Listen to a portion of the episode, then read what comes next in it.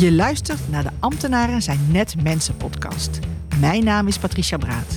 En als veranderdeskundige met inmiddels 20 jaar ervaring sla ik de brug tussen ambtenaren en actieve inwoners. In deze podcast ga ik in gesprek met specialisten en deel ik mijn eigen kennis en ervaring, zodat jij als gemeenteambtenaar geïnspireerd wordt om met plezier en enthousiasme jouw werk echt betekenis te geven. Heel veel luisterplezier.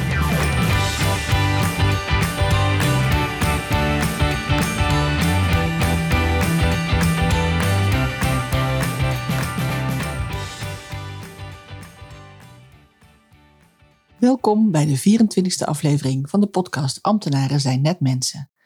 We hebben het al enkele maanden over het prachtige onderwerp samenwerken. Zoals ik al eerder heb toegelicht, geloof ik er echt in dat je samen verder kunt komen dan in je eentje. Dus in mijn hele carrière heeft samenwerking een belangrijke rol ingenomen.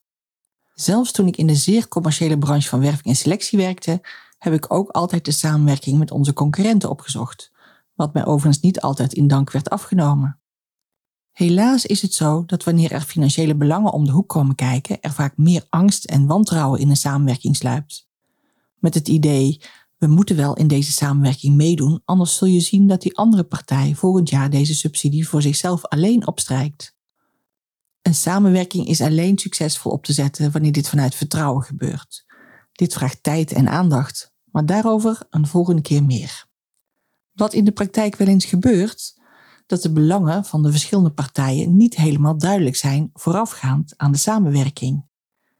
Ik heb het in de vorige podcast over de deelnemers van een samenwerkingsverband die met drie niveaus aan tafel zitten, met hun individuele belang, het organisatiebelang en het samenwerkingsbelang.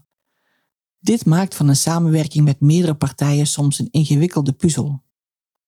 Ik heb in de loop van mijn carrière wel geleerd om al die verschillende belangen boven water te krijgen. De individuele belangen en de samenwerkingsbelangen zijn hierin redelijk simpel inzichtelijk te maken. Waar de schoen vaak wringt, is het eigen organisatiebelang. De deelnemers binnen een samenwerkingsverband hebben vaak de opdracht gekregen om deel te nemen vanuit hun organisatie, maar opereren niet direct op een beslissingsniveau. Ze krijgen dan ook meestal niet de middelen mee om ook echt het verschil te kunnen maken. Dus zodra het samenwerkingsbelang niet meer in lijn loopt met het eigen organisatiebelang, kom je in de problemen. Daarom is opereren vanuit vertrouwen zo belangrijk. Zonder vertrouwen krijg je ook geen succesvolle samenwerking. Het is bijna een gegeven dat alle partijen verschillende belangen hebben en dat ze op basis hiervan steeds opnieuw zullen afwegen wat het samenwerkingsverband hun zal brengen. Maar het persoonlijke vertrouwen in de mensen die aan tafel zitten speelt daarbij nog een grotere rol. Ik heb in het verleden samenwerkingen opgezet waarbij de organisatiebelangen van de partijen enorm uiteenliepen en er op bestuurlijk niveau zelfs sprake was van wantrouwen. Maar door de acties vanuit positieve energie op te bouwen en te werken aan het persoonlijk vertrouwen van de deelnemers, hebben we toch een paar mooie projecten opgezet.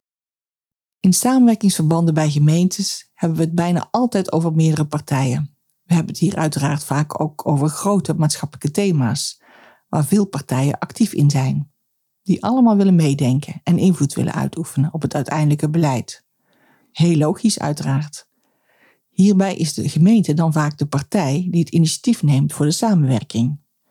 Bij de start is het dan belangrijk om jezelf als initiatiefnemer af te vragen of je de samenwerking als een leerproces ziet om het grote maatschappelijke thema op te lossen, of dat het meer een middel is om een bepaald doel te bereiken. Meer eigenaarschap bij de verschillende stakeholders bijvoorbeeld. Het is ook als initiatiefnemer belangrijk om helder te zijn over je eigen belangen en doelen bij de start van de samenwerking, maar om vervolgens ook alle deelnemers de ruimte te geven om hun belangen op tafel te kunnen leggen. Het besef dat voor het oplossen van het maatschappelijke thema essentieel is om hier gezamenlijk naar te kijken, omdat de individuele partners dat niet lukt om de oplossing te bieden, is dan de volgende stap. De verschillende stakeholders nemen deel aan een samenwerking om invloed uit te kunnen oefenen op het besluitvormingsproces. Niet om de samenwerking zelf op te zetten. Maar om succesvol te kunnen zijn, moeten ze wel de bereidheid hebben om samen te werken. En daarvoor zijn een aantal zaken essentieel. Er moet sprake zijn van een win-win. Iedere partij moet het gevoel hebben uiteindelijk iets positiefs uit de samenwerking te kunnen halen. De afwegingen die tijdens het samenwerkingsproces worden gedaan, moeten transparant zijn voor alle deelnemers en op tijd worden gedeeld met de deelnemers. De beruchte 1-2'tjes of pas maanden later een aantal deelnemers meenemen in de besluitvorming zijn funest voor de samenwerking. Zorg dat de afspraken die gemaakt worden binnen de samenwerking goed gemonitord worden. Er wordt veel te vaak algemene en onduidelijke afspraken gemaakt, waarbij onduidelijk is wanneer de betrokken partij die gaat oppakken en na vier bijeenkomsten nog steeds geen resultaat is bereikt. Helaas is het nog te vaak zo dat bij een samenwerking met de gemeente de betrokken partijen het gevoel hebben dat ze niet echt iets kunnen doen in de besluitvorming. Ze zijn van mening, en in de praktijk is dat helaas vaak ook zo, dat de gemeenteraad hun eigen keuzes zullen maken. En dat voelen de deelnemers aan een samenwerking haarfijn aan. Dat geldt voor maatschappelijke partners, maar zeker ook voor inwoners. Helaas is het zo dat de inwoners in een dergelijke samenwerking niet worden meegenomen. Of pas heel laat in het proces. En ook voor inwoners geldt dan dat ze geen zin meer hebben in enige vorm van participatie, terwijl dat de uiteindelijke doelgroep is waar de hele samenwerking op gericht is. Vorige week in het gesprek met Nanda van der Boom hebben we hier ook uitgebreid over gesproken. Nanda is iemand die heel goed in staat is om de inzichten van de doelgroep mee te nemen en te betrekken in de samenwerking. En zij denkt daarbij niet dat iemand niet deskundig genoeg is, maar is oprecht nieuwsgierig naar hun belang en wat zij belangrijk vinden. Als je op die manier in staat bent tot samenwerking, dan voelen alle partijen zich serieus genomen en is er sprake van gelijkwaardigheid. De vertaalslag van al die inzichten en belangen naar een gemeenschappelijk gedragen beleid is dan vervolgens de puzzel. Maar wanneer dat lukt, dan zal ook iedere samenwerkingspartner zich eigenaar voelen van de oplossing en actie zetten om het resultaat te behalen. Samenvattend zijn dus de volgende punten belangrijk bij iedere samenwerking waarbij meerdere deelnemers betrokken zijn. Zorg dat er oprechte interesse is in alle belangen. Deelnemers merken het meteen als dat niet oprecht is.